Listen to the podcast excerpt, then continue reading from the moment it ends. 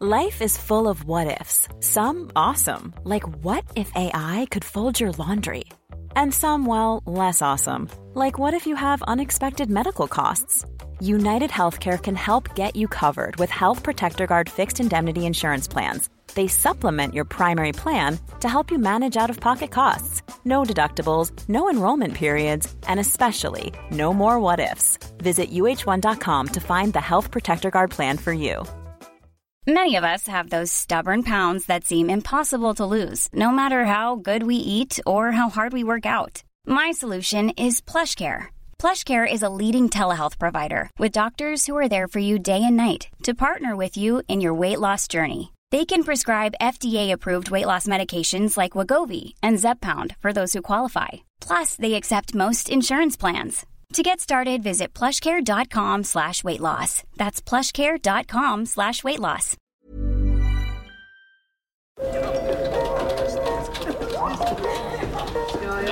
Dette er lyden av norsk næringsliv.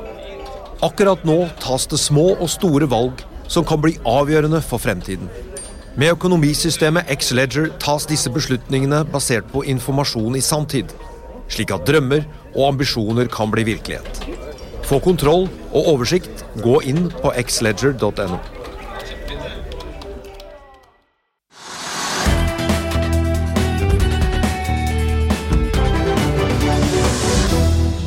En riktig god mandag, godt nyttår og velkommen til den første sendingen vår i det nye året 2023. I dagens sending blir det mer om fersktall fra boligmarkedet. Vi får besøk av NHO-sjefen som skal se inn i krystallkulen sammen med oss, og vi skal gi deg Unnskyld, de andre nyhetene som preger denne første børs- og si, hverdagen i 2023. Vi begynner med en liten oppsummering av 2022, for her hjemme endte Oslo Børs på 1189 poeng på fjorårets siste handelsdag. Det er ned 1% for året.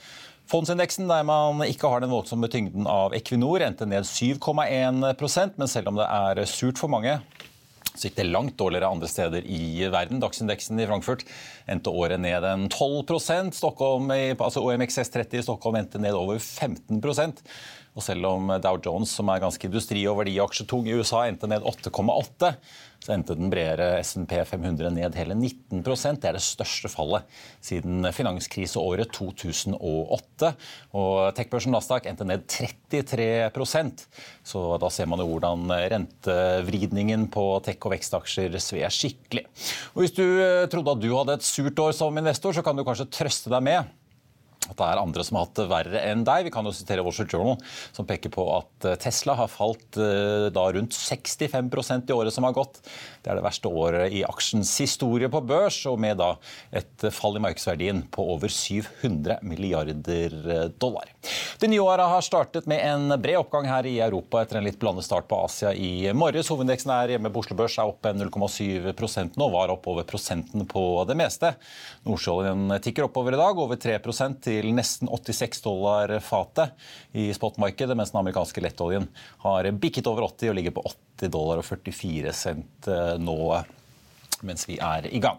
Vi må sveipe innom eh, politikken kort, fordi like før sending så kom det meldinger om at eh, Kari Elisabeth Kaski ikke vil stille til valg som ny SV-leder. Så da kan det se ut som Kirsti Bergstø da står igjen som den eneste aktuelle kandidaten. Kaski skriver på Facebook at hun etter å ha tenkt seg nøye om, har funnet ut at hun også velger å prioritere familielivet. Og hun er da tilbake fra fødselsperm 21.2.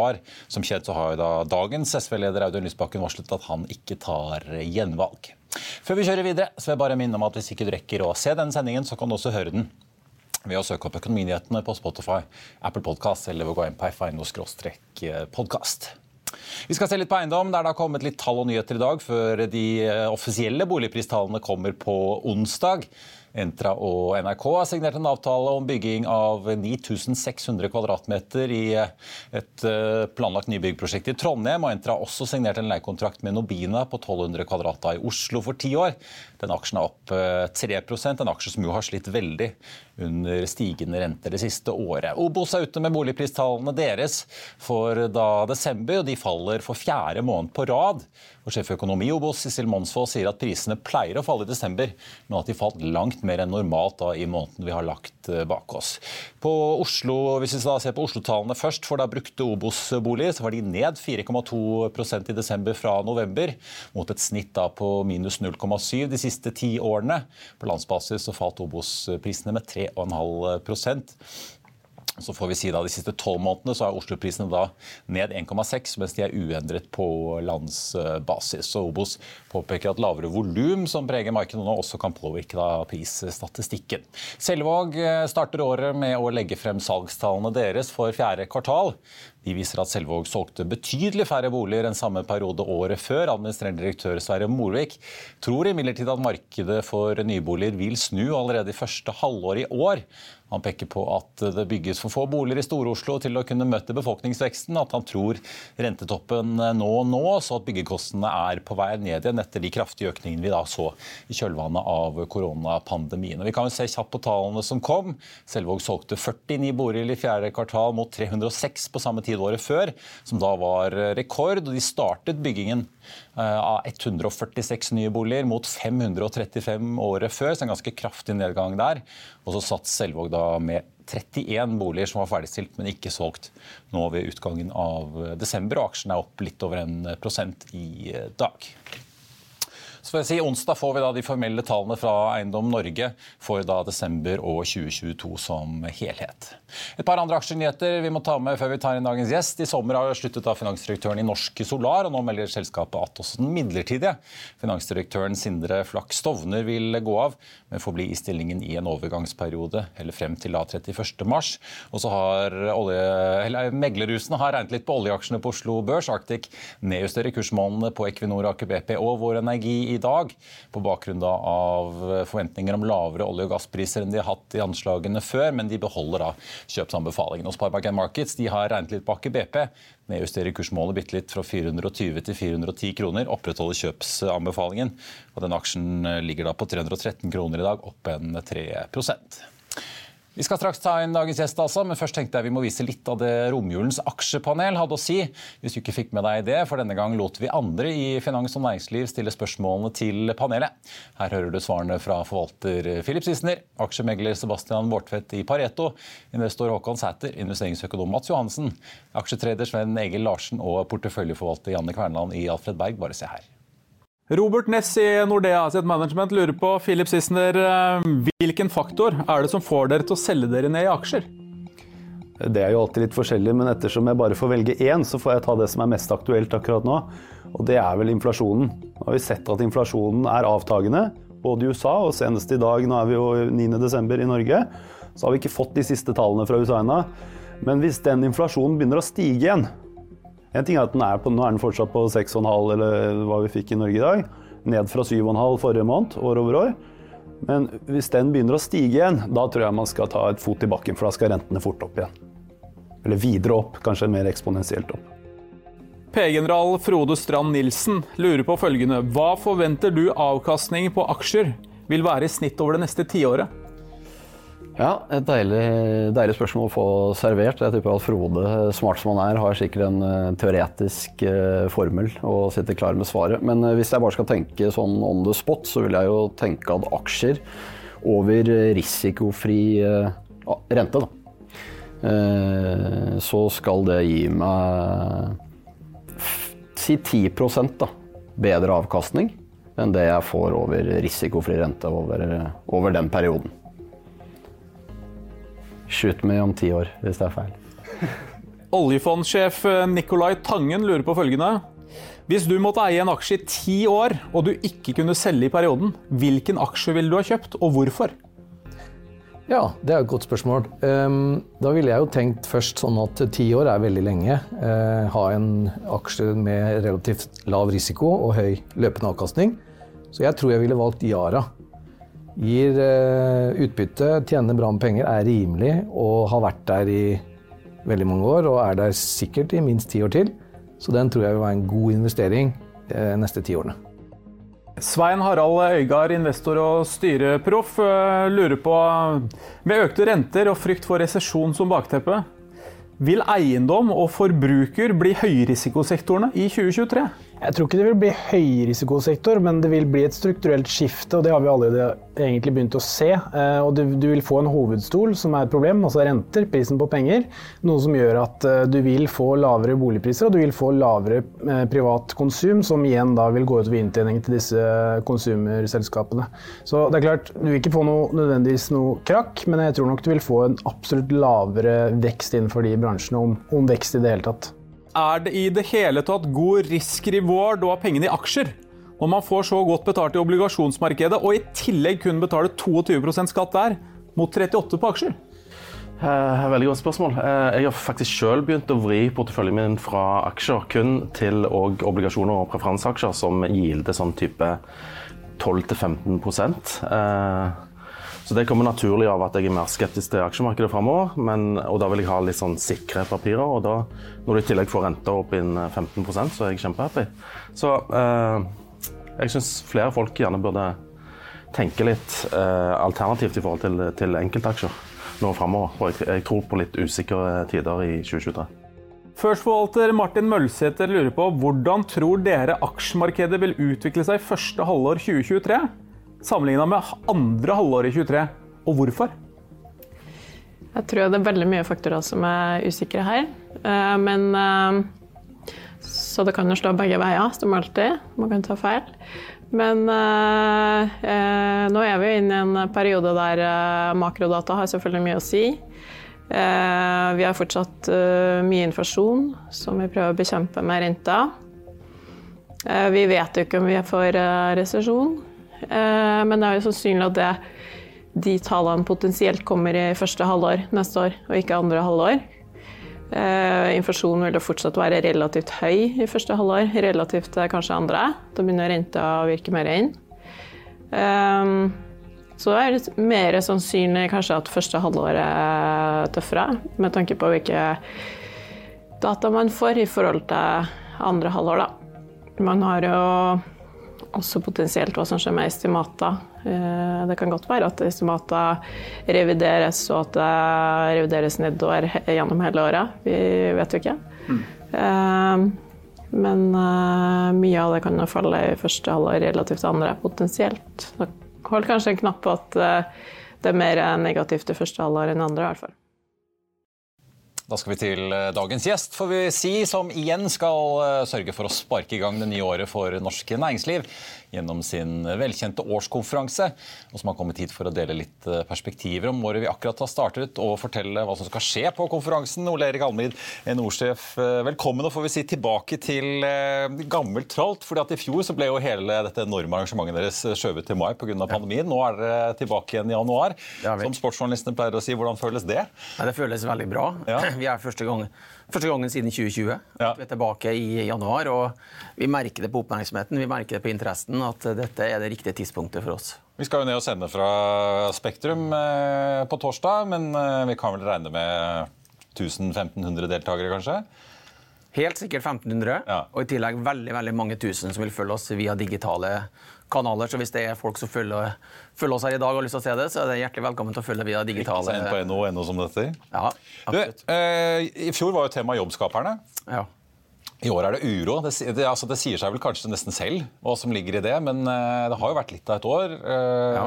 Vi visste jo om krigen da dere arrangerte konferansen i, i mai i fjor. Ja. Hva, hvis du ser på listen, Jens Stoltenberg kom jo selvfølgelig, kom jo statsministeren og mange fra ja. regjeringen. Eh, men vi har jo også på en måte Robert Habeck, da, den visekansleren ja. i Tyskland fra De Grønne, kommer. Eh, hva, du, hva, er, liksom, hva er, det dere prøver å, å, få frem i år? Nei, det er jo uro, som du sier, som er tittelen på det. Og det illustrerer jo egentlig, egentlig hele situasjonen vi står i. Vi så det i 2022, at vi hadde krig, det var eh, energikrise. Det er mye uforutsigbarhet rundt hvordan går dette for bedriftene. Mange sliter med stig, stigende priser. Og så vet vi at 2023 ser verre ut enn 2022. Så her er man litt sånn Hva skjer nå? Så vi kommer nok til å bruke mye av konferansen på å prøve å få klarhet i hva kommer til å skje i 2023. Men også peke litt inn i 2023 og 2024 i betydningen det er mulighet til å gjøre noe. Så det blir jo en konferanse med litt alvorlig, litt mørkt over Litt sånn mørk himmel. Men så blir det også litt optimisme forhåpentligvis da, å skape gode løsninger for framtida. Ja, for Jeg var jo litt innom oppsummeringen av hvordan det gikk på børsene i ja. fjor. Selv om det har vært surt for mange, så har jo Norge klart seg overraskende bra. Vi har jo hatt noen helt enorme olje- og gassinntekter i året som har gått takket være energikrisen i, i euro, for så vidt verden, men ikke minst i Europa. Også den, de høye råvareprisene som preger i hvert fall deler av uh, året. Da er det kanskje ikke så rart at Tysklands eh, visekansler tar turen. Da. Han er jo veldig avhengig av eh, aller mest gass, selvfølgelig, da. men vi eksporterer jo mye til Tyskland. Både aluminium og andre ting fra norsk industri. Ja, og Tyskland er jo en av våre viktigste handelspartnere. Og vi vet jo det, og Tyskland er veldig tydelig på det, at Norge er viktig for dem. Litt utover bare energi òg, men vi får jo det kommer til å komme noen nyheter eh, den dagen også som viser hvorfor Habek er her. da. Mm. Og Vi ser bl.a. på samarbeid på hydrogen, og det er masse som skjer nå som er på den positive siden. Men så er jo sånn, Tyskland er jo så stor økonomi i Europa at Tyskland er viktig for oss utover at vi er en handelspartner for dem. For når Tyskland tegner et bilde av hvordan det kommer til å bli, så vet vi at det blir slik. Mm. Eh, så vi er jo spent på å høre han og møte han. Og, og jeg tror jo sånn hele konferansen bærer nok preg av at det er litt mørkt, men at det er muligheter framover. There's never been a faster or easier way to start your weight loss journey than with PlushCare. PlushCare accepts most insurance plans and gives you online access to board-certified physicians who can prescribe FDA-approved weight loss medications like Wigovi and Zepbound for those who qualify. Take charge of your health and speak with a board-certified physician about a weight loss plan that's right for you. Get started today at plushcare.com slash weight loss. That's plushcare.com slash weight loss. plushcare.com slash weight loss. I'll see you in court. Vi sier det ofte litt på spøk, men for deg som driver business, er det aldri moro å innse at du ikke har laget en 100% gyldig kontrakt. Du bør ikke risikere hele firmaet ditt fordi du synes dette med kontrakter er litt stress. En avtale er ikke en avtale.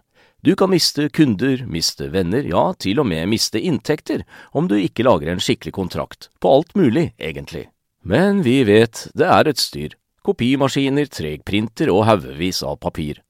Dessuten stoler vi jo på folk her i landet. Det er ofte litt kleint å skulle be om en signatur for alt mulig, ja, for mye av styret handler også om jakten på underskriften. Det finnes en enkel måte å løse dette på, Dukkobit, en trygg, effektiv og get this, gratis måte å sikre seg en god natts søvn pluss en juridisk bindende avtale. Dukkobit-appen har de strengeste sikkerhetskrav i bunn, samt en EU-godkjent og sertifisert teknologi. Framover vil det bli behagelig å spørre du, skal vi skrive under på det, eller? Kom i gang på dokobit.no.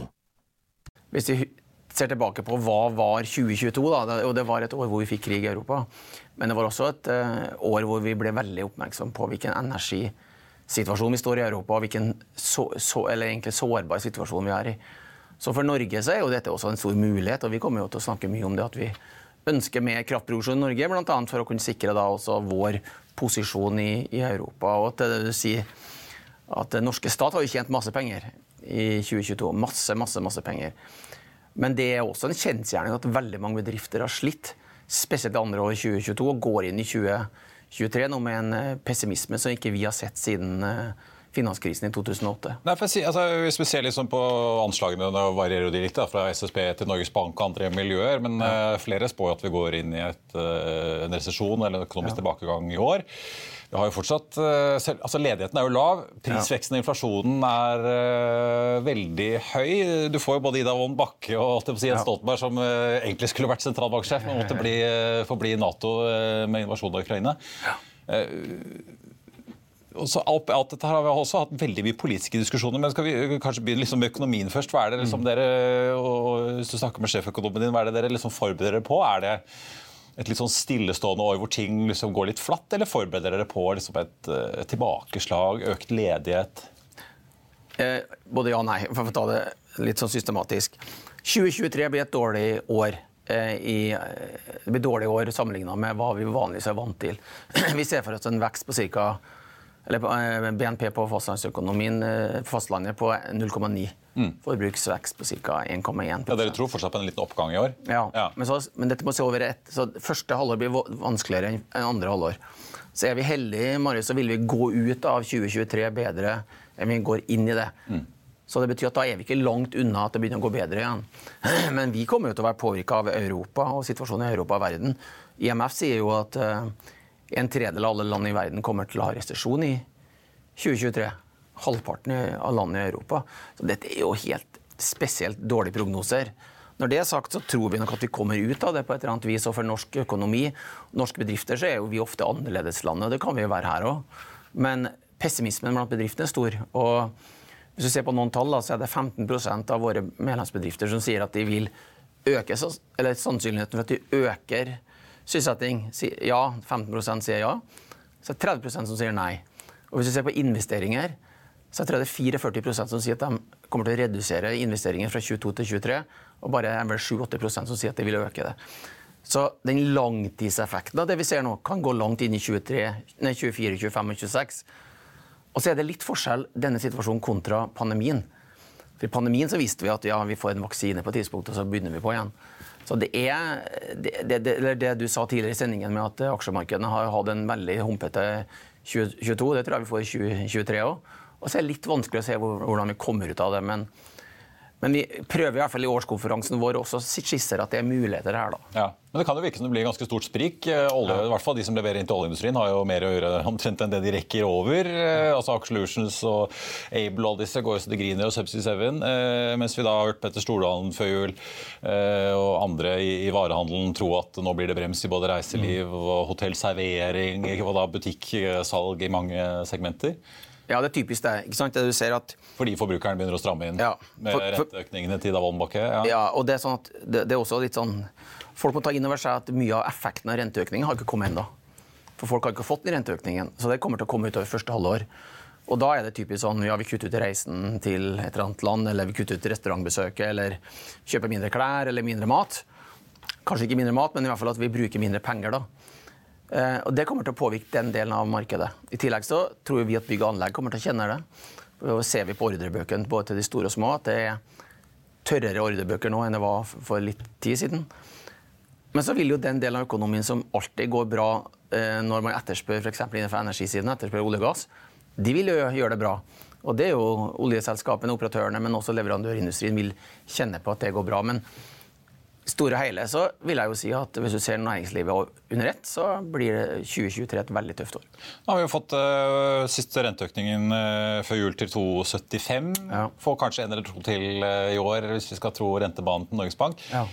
Men jeg lurer litt på, eh, mye av, mye av, diskusjonen rundt rentene handler også om at nei, vi må ikke bruke for mye penger, vi må unngå en uh, lønnsspiral. Jeg ser jo at Norges Bank venter jo en lønnsvekst i år da, på 4,7 opp fra 3,4 ja. i fjor. Ja. Nå vet jeg du kanskje må være litt forsiktig med hva du kan si, men risikerer medlemmene dine å møte ganske beinharde krav nå, i hvert fall rent så tallmessig, fordi at her vil arbeidstakerne prøve å ta igjen mye av den prisveksten og redde, i hvert fall få igjen litt av den kjøpekraften som de tross alt har tapt? da med den høye prisveksten?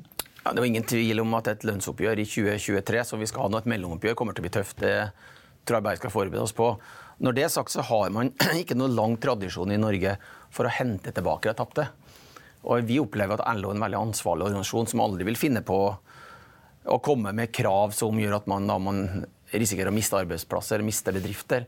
Husk på, Vi må jo ha en lønnspolitikk i Norge som tar hensyn til hvilken konkurransesituasjon vi står i i de internasjonale markedene. og Det betyr at eh, med den usikkerheten vi har nå, den uroen apropos temaet tema på årskonferansen, den uroen vi har nå, så vil jo i hvert fall jeg tro at det er mulig å få et moderat oppgjør fordi at vi ser etter behov for det. For å mm. sikre bedrifter, sikre arbeidsplasser. og da kan ikke jeg se for meg at det blir et, sånn, eh, et oppgjør som eh, kommer til å ivareta alles behov. Det ville ha vært overraskende. På 8, 8 liksom? Nei, Det får jo andre svare for, da. og Vi får nå ta, ta den forhandlingen når den kommer. men vi må ha et oppgjør som gjør at vi styrker norske bedrifter også i år. Eh, vi må også eh, snakke litt om rammevilkårene som medlemmene dine opererer eh, i. Mm. Som vi hørte i starten her, Nå sier jo da Kaski at hun ikke skal stille. at Da blir det jo sannsynligvis Kirsti Bergstø som kommer inn som SV-leder, hvis ikke noen andre plutselig kaster seg på. Men regjeringspartiene har jo veldig lav oppslutning. Vi har hatt masse diskusjoner her det siste halvåret om lakseskatt, kraftskatt, alle mulige endringer i utbytteskatt, formuesskatt, flytteregler, you name it. Nå fikk et skatteutvalg nå rett før jul. tenker dere om måte det politiske rammeverket som eh, norske bedrifter må forholde seg Ja. til? Da veldig mange snakker jo helt åpent om, altså inkludert Jon Gunnar Pedersen i Arctic, som har vært statssekretær i Finansdepartementet, om liksom en, en politisk risiko som nå utenlandske investorer baker inn i kalkylene sine for eh, Norge. Hvor reelt er det egentlig? Norge er jo fortsatt en ganske sånn trygg øy i det store urørte hav, da. Ja, og det bør det, for, det, bør det forbli. Det er reelt. Men. Forventer du liksom noen kursendring fra regjeringen, eller hva går dere og Ja, nei, for det første så vil jeg si at 2022 viste oss, eh, viste oss en skattepolitikk som er veldig unorsk. Det er veldig unorsk å komme med brå omveltninger eh, og skatteøkninger som man ikke er forberedt på over natta. Det, skatteendring i Norge har tradisjonelt kommet til gjennom gode utredninger og gode høringsprosesser og, gode, og breie forlik i Stortinget. Så det vi så i år, eller i fjor, da, var jo etter min mening eh, brudd på det. Og vi har vært veldig tydelige på det, at det skremmer bort utenlandske investorer. Det får norske investorer til å enten investere ute eller bare legge det på is. Eh, det Eller flytte, som eller flytte, mange har gjort, ja. flytte, flytte, som mange har gjort, og jeg forstår det godt. Jeg. Forstår det godt at de gjør det. Så jeg tror at ene er jo pos- posisjonene som vedtas, det andre er forutsigbarheten som plutselig er borte fordi at du får skatteendringer du ikke kan forberede deg på. Og er det noe som er gift for investorer, så er det usikkerhet rundt akkurat det. For at Norge skal være en vertsnasjon for gode investeringer og en trygghet rundt at investeringen også kan vare over tid. da. Så jeg syns at det som skjedde i 2022 var ikke bra på noe vis. Og når du spør meg hva skjer i 2023, så må jeg jo si at jeg håper at de har tatt inn over seg hva de har gjort for norsk næringsliv. Jeg Men Føler du som at du får noe gehør for dette? her? For det er jo, altså Vi hører jo fra mange bedriftseiere som på en måte ikke er i kraft og laks, men likevel går og tenker Ja, ja. «Mm, kom, blir, vi, blir vi de neste? Vi vet Ja, ja. jo Finansnæringen har jo egne skatter her i landet som de har fått slengt på seg. Luftfarten går selvfølgelig og klager over flypassasjeravgiften, men altså Tror du at Finansdepartementet nå vil komme, komme med nye ting i på en måte jakten etter å gjøre opp budsjetter som blir stadig strammere? Det er et godt spørsmål. Og min melding er klar på det. Det er ingen bransje som kan være sikker på at de ikke får noe på bordet nå, for at det er så usikkert. Så jeg håper jo at regjeringen har tatt inn over seg at dette, kan, dette gjør man ikke på denne måten. Man tar en ordentlig diskusjon, i etterkant av Torvik-utvalget for å se hva skal man gjøre, hva skal man ikke gjøre. Gjør det ordentlig og grundig. Og så at man kanskje da skisserer en, en, et bredt forlik i Stortinget på en skattepolitikk som har et sånn 20-30-årsperspektiv. Men jeg er jo ikke sikker på at det blir sånn. Eh, og jeg skjønner at folk er avventende nå og litt forsiktige med å investere i påvente av hva, slags politikk er det vi kommer til å få. Og det kan jo hende at regjeringen bør ta inn over seg at meningsmålingene sier noe også om hvordan de har møtt eh, næringslivet og folk flest rundt omkring i Norge. De ser, jo at bedriftene er de som holder liv i bygd og bygd, og de vet jo at når du angriper bedriftene, så angriper du lokalsamfunnet. Så jeg tror de har fått seg en ordentlig smekk på måten de har gjort dette på. Til slutt, eh, Vi rekker jo ikke å snakke om hele programmet. Dere får jo bl.a. besøk av eh, Ilham Kadri, sjefen i belgiske kjemikonsernet Solvay, som eh, jo også mange i norsk næringsliv har med å gjøre. Men utover krigen i Ukraina så må vi snakke litt om hva, hva er det du følger mest med på i det nye år? Er det inflasjonen og rentenivået til Norges Bank og Federal Reserve og alle de andre store sentralbankene, eller er det liksom andre store ting på kalenderen som Det er jo mye, på mye Marius, som kommer til å være eh, på agendaen vår. Jeg er jo ekstremt spent på å se hvordan den økonomiske utviklingen blir globalt de neste månedene. For å se hvordan, hvordan får vi nå landa dette. Og klarer man å bremse inflasjon, så er det jo veldig godt nytt. Men klarer man ikke det, så er jeg usikker på hvordan dette kommer til å vare, vare eller gå hen, og hvor lenge det varer. Får man kontroll over energiprisene i Europa, så betyr det ekstremt mye for hele verden, men ikke minst også for Europa og Norge. Så jeg håper jo det skjer, slik at du kommer deg over i en situasjon hvor du ikke trenger å stunte så mye som man måtte ha gjort. da. Så det er noe veldig viktig i seg selv. Og så er jeg jo, jeg må jo bare si at personlig, og, og ikke minst også i forhold til rollen min, er ekstremt spent på å se hvordan krigen i Ukraina utvikler seg. Og hva det betyr for oss alle sammen. Men, norske, men det er jo norsk politikk også, som kommer til å være viktig for norske bedrifter. Så er jeg jo spent på hvordan de kommer til å lande noen av de prosessene de har, bl.a. rundt det at de gjør det vanskeligere for bedrifter å være bedrift i Norge. Jeg mener at de burde ha sagt Yes, vi gjorde det vi gjorde i 22. 23. Da skal vi gjøre det lettere å være bedrift i Norge. Vi skal hjelpe til. Vi skal ikke ha disse innleieforbudene osv. Så, videre, og så, videre. så vi må snakke opp næringslivet. Så jeg håper jo at vi får en politikk også som kommer dit. Men Jeg er usikker. Jeg kan ikke si at jeg er sikker på at det kommer til å snu. Det må jeg være så ærlig å si. Vi får se hva Jonas Gahr Støre sier når han går på podiet på torsdag. Inkludert deg selv, holdt jeg på å si. Olek Almer i DNO, tusen takk for at du kom innom, og lykke til. Takk for det. Vil du bli oppdatert på det viktigste som har skjedd innen finans og næringsliv? Da er det bare å følge med, for hver morgen er jeg, Marius Lorentzen og aksjekommentator Karl Johan Malnes på plass i studio for å ta tempen på dagens marked i Børsmorgen. Og hver ettermiddag oppsummerer vi alt du trenger å vite i økonominyhetene, og det blir selvfølgelig masse interessante gjester. Klikk deg inn på fa.no-tv, eller søk opp Børsmorgen og Økonominyhetene der du hører på podkast.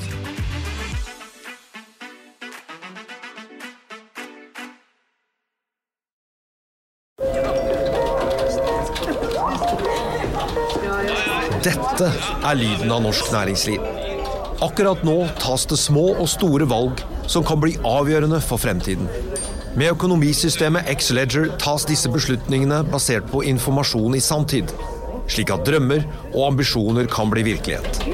Få kontroll og oversikt, gå inn på xledger.no. Velkommen til Hovedveksten på Oslo Børs nå opp 0,6% på årets første børsdag, får vi si, med fortsatt da jevn oppgang rundt oss i Europa. Selvåg bolig, som har sluppet tall i dag, fortsatt opp en 1,25% Entra, som har kommet med litt kontraktsnyheter, også da opp i dag. 2,1% ligger de nå, når vi bare har en halvannen time igjen av børsdagen, får vi si. Entra da likevel ned over 40% det siste året. På Wall Street så ser det ut til en litt blandet start på årets første børsdag, hvis vi ser i hvert fall på futuresene. Nasdaq futuresen peker litt opp, SMP futuresen litt ned. Så får vi da se hvordan det hele lander senere i kveld. I Finansavisen i morgen så kan du lese Trygve Hegnars leder. der han tar for seg SVs partileder Audun Lysbakken og det han mener er årets skandale. Du kan lese hvordan øyelege og investor Ole Morten Halvorsen har solgt alle aksjene sine i North Energy. Du kan lese mer om Fearnleys nye sektorrapport for fornybar og om fallet i gassprisen fra desember og gjennom romjulen. Og Det var det vi hadde for deg i dag, men husk at vi er tilbake igjen med årets første børsmorgen 08.55 i morgen, og deretter med Økonominyhetene 14.30. Da skal vi ha med oss Trygve Hegnar. I mellomtiden så får du som alltid siste nytt på FA.no. Mitt navn er Marius Lorentzen. Takk for at du så eller hørte på, og så håper jeg vi ses igjen i morgen.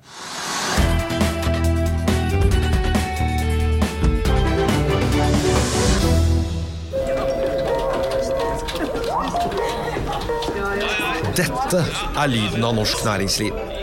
Akkurat nå tas det små og store valg som kan bli avgjørende for fremtiden.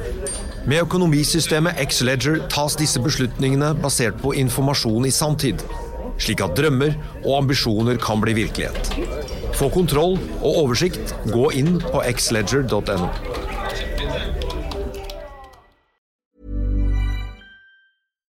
Hi, I'm Daniel, founder of Pretty Litter. Cats and cat owners deserve better than any old-fashioned litter. That's why I teamed up with scientists and veterinarians to create Pretty Litter. Its innovative crystal formula has superior odor control and weighs up to 80% less than clay litter. Pretty Litter even monitors health by changing colors to help detect early signs of potential illness. It's the world's smartest kitty litter. Go to prettylitter.com and use code ACAST for 20% off your first order and a free cat toy. Terms and conditions apply. See site for details. Økonominyhetene er en podkast fra Finansavisen. Programledere er Marius Lorentzen, Stein Ove Haugen og Benedikte Storm Bamvik. Produsenter er Lars Brenden Skram og Bashar Johar. Og ansvarlig redaktør er Trygve Hegnar.